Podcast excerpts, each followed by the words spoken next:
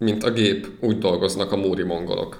Írta Szurovec Illés. A magyarokkal ellentétben nem panaszkodnak és táppénzre mennek, hanem dolgoznak, akár a gép.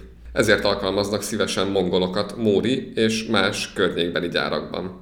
Van köztük olyan, aki évtizedek óta itt él, családot is alapított, mások viszont alig pár hete érkeztek, és egy munkásszállón laknak. Oda-haza akkora a szegénység, hogy néhányan a gyerekeiket is hátrahagyták, csak pénzt tudjanak küldeni nekik. Amikor épp nem dolgoznak, akkor telefonoznak, főznek vagy zenét hallgatnak, és az álmuk, hogy bejárják egész Európát.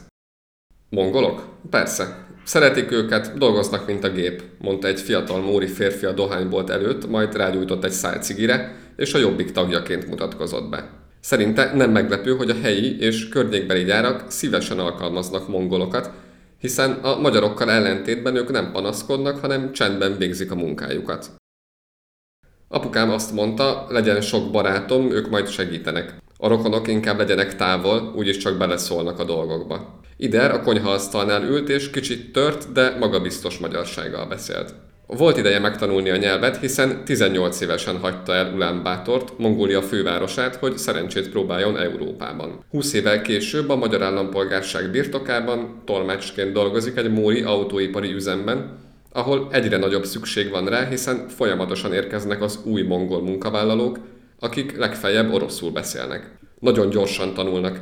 Hétfőn felvétel van, kedden oktatom őket, bemutatom a céget és a munkaköröket, szerdán gyakorlunk, és pénteken már dolgoznak. A magyarok nem szeretnek dolgozni, és kevestik a pénzt. Más cégekről is hallani, amelyek szívesen alkalmaznak mongolokat.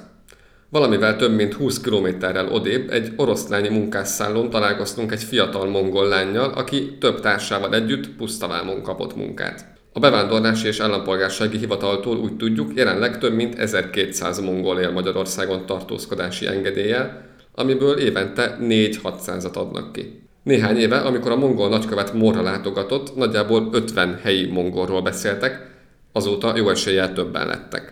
Ider először egy pomázi szövőgyárban dolgozott, aztán éveket húzott le a Józsefvárosi piacon, ahol törölközőket árult. Akkoriban nagyon sok mongol volt a piacon, 18-20 évesek. Reggel fél hattól ötig dolgoztunk, aztán elmentünk szórakozni. Akkor így volt. Oda-haza pénzhiány nem sok esélye lett volna tovább tanulni a tízosztályos általános iskola elvégzése után, már pedig a szülei sosem voltak gazdagok. Ők ma is Bátor kertvárosi részében élnek, de a vizet még mindig nem kötötték be a házba, a kútról kell hordaniuk. Ezzel ők középrétegnek számítanak. Kapnak valamennyi nyugdíjat, de az nem elég, ezért éjszakánként kötényeket, munkásruhákat varnak, azokat árulják a piacon, mondta Ider. Fiatalként imádta a magyarországi életet, hamar barátokat szerzett, akikkel együtt fedezték fel a pesti éjszakát. Este diszkó, nappal mozi. Minden új filmet megnéztünk a Corvin moziban.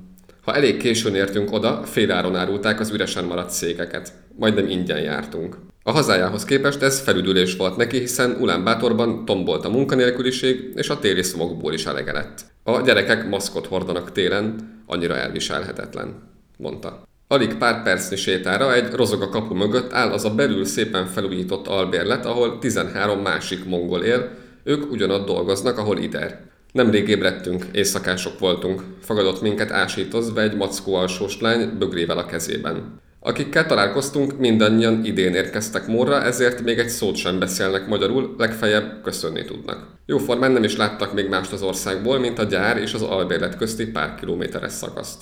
Ma még négy új lány érkezik, mondta Ider, aki segített nekünk szót érteni a többiekkel. Jó részt, mint fiatalok, van köztük 19 és 20 éves is, de Nassá például 40 éves létére döntött a költözés mellett. Azt mondta, 10 éve álmodozik róla, hogy a háziasszonyi szerepből kilépve végre máshol is kipróbálja magát. Egy hétig sírt, amiért el kellett szakadnia a gyerekeitől, de úgy véli, hogy az apjukkal és a nagyszüleikkel jól el lesznek, később pedig akár ők is Magyarországra jöhetnének, ha csak nem ő költözik haza. Addig is, ahogy a többiek, ő is hazaküldi a keresete egy részét.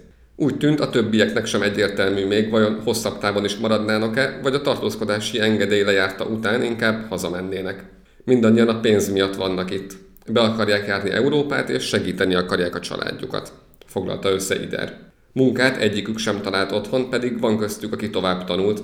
Zala marketing managementet, Une pedig idegenvezetést végzett. Ha megkapjuk az első fizetést, elmegyünk Budapestre. Lelkedezett egy fiatal lány. Ő annak is örül, hogy Magyarország végre nincs olyan irtózatosan messze Franciaországtól vagy Svédországtól, ahová szívesen elutaznak. Bár a hétköznapjaik elég egyhangúak, a mongol munkások jól érzik magukat Magyarországon, és egymással is jól kijönnek. Van egy magyar srác a gyárban, aki adott csokit meg üdítőt, nekem ő tetszik itt a legjobban, viccelődött az egyik lány, mire a többiek is hangos nevetésben törtek ki. A helyieket egyelőre nem ismerik, bár egyszer valaki úgy rájuk csodálkozott, hogy még le is fényképezte őket.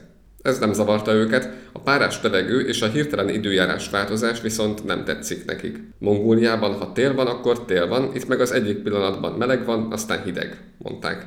Amikor épp nem dolgoznak vagy alszanak, többnyire a telefonjukon lógnak, vagy összegyűlnek valamelyik szobában és beszélgetnek, zenét hallgatnak. Hőgi szívesen gitározik, magyar dalokat is szeretne megtanulni, de egyelőre nem járt sok sikerrel. Egy magyar munkatársát kérte, mutasson neki jó zenét, aki erre DJ Szatmári most úgy szeres című dalát tette be a YouTube-ról. A mongol számokat jobban szeretem, azok lassúbbak, mondta Högi, aki unokatestvéréhez Tufsuhoz hasonlóan a barátnőjét hagyta otthon Mongóliában. Högi fontosnak tartotta, hogy magával hozza Magyarországra a hagyományos ünnepi ruháját is, Sajnos leöntöttem az elejét, hiába vittem el tisztítóba, nem tudták kimosni, mondta.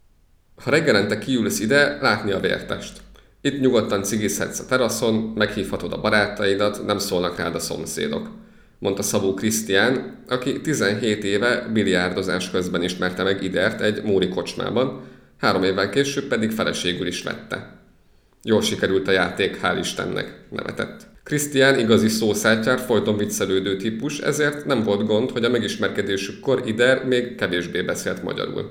Beszéltem én helyette. Nagyon szeretek beszélgetni. Ider a munkája miatt került Morra.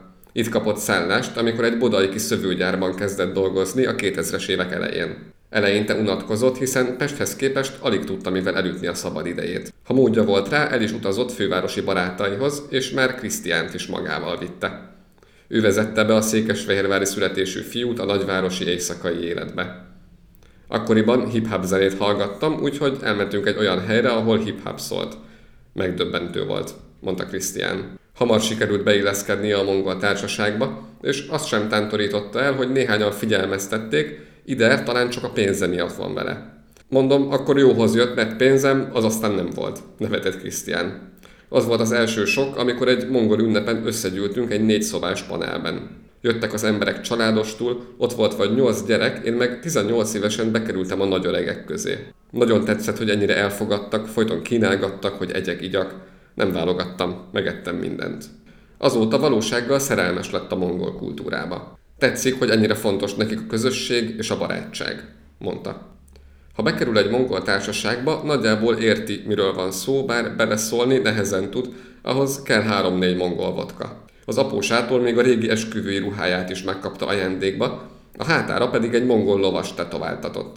Annyira fájt, hogy mondtam a srácnak, jó lesz az a ló láb nélkül is, de mondta, hogy nincs ló láb nélkül, nevetett Krisztián, miközben a legkisebb lányával, a négy éves Engcsinnel viaskodott. Rajta kívül két másik lányuk is született, Anuin 8, Mincsin pedig 12 éves. Ugyan mindhárman mongol nevet kaptak, a nyelvet nem beszélik, egyedül a nagymamájuktól tanultak valamennyit, aki egyszer 8 hónapra hozzájuk költözött.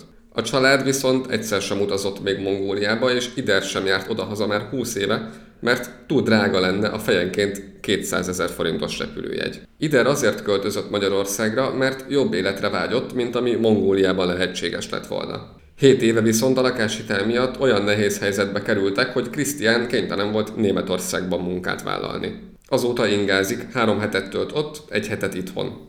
Valamiből fel kellett építeni a házat. Albérletben kezdtünk, aztán amikor megszületett az első lányom, fateromhoz költöztünk. Majd jött a második gyerek, és már kicsi lett a háromszobás panel. Végül azt eladtuk, édesapám megjött velünk, most is velünk lakik, mondta Krisztián. Most arra valamelyest rendbe jöttek, már tudják fizetni a részleteiket, de ehhez Krisztiánnak ugyanolyan szállón kell laknia, mint a fiatal mongoloknak Móron. Tíz szoba van, és hárman vagyunk egy szobában. 14 órát dolgozunk, éjjel 2-3-ig fent vagyunk, aztán alszunk. Egy 22 éves kocsival mentem ki, életemben először. Úgy hiányoztak a gyerekek, hogy mondtam is az asszonynak, engem nem érdekel, hazajövök gyalog. Imádom őket, mind a három apás szülés volt, ott meg hiába magyarok a főnökök és a munkatársaim is, Vadidegen a környezet, azt se tudod, hogy kihez szólj, mondta Krisztián. Azóta is őrzi egy mongol barátja SMS-ét, aki azt írta neki, ne felejtsd el, hogy miért mentél ki. A családért, és nem másért.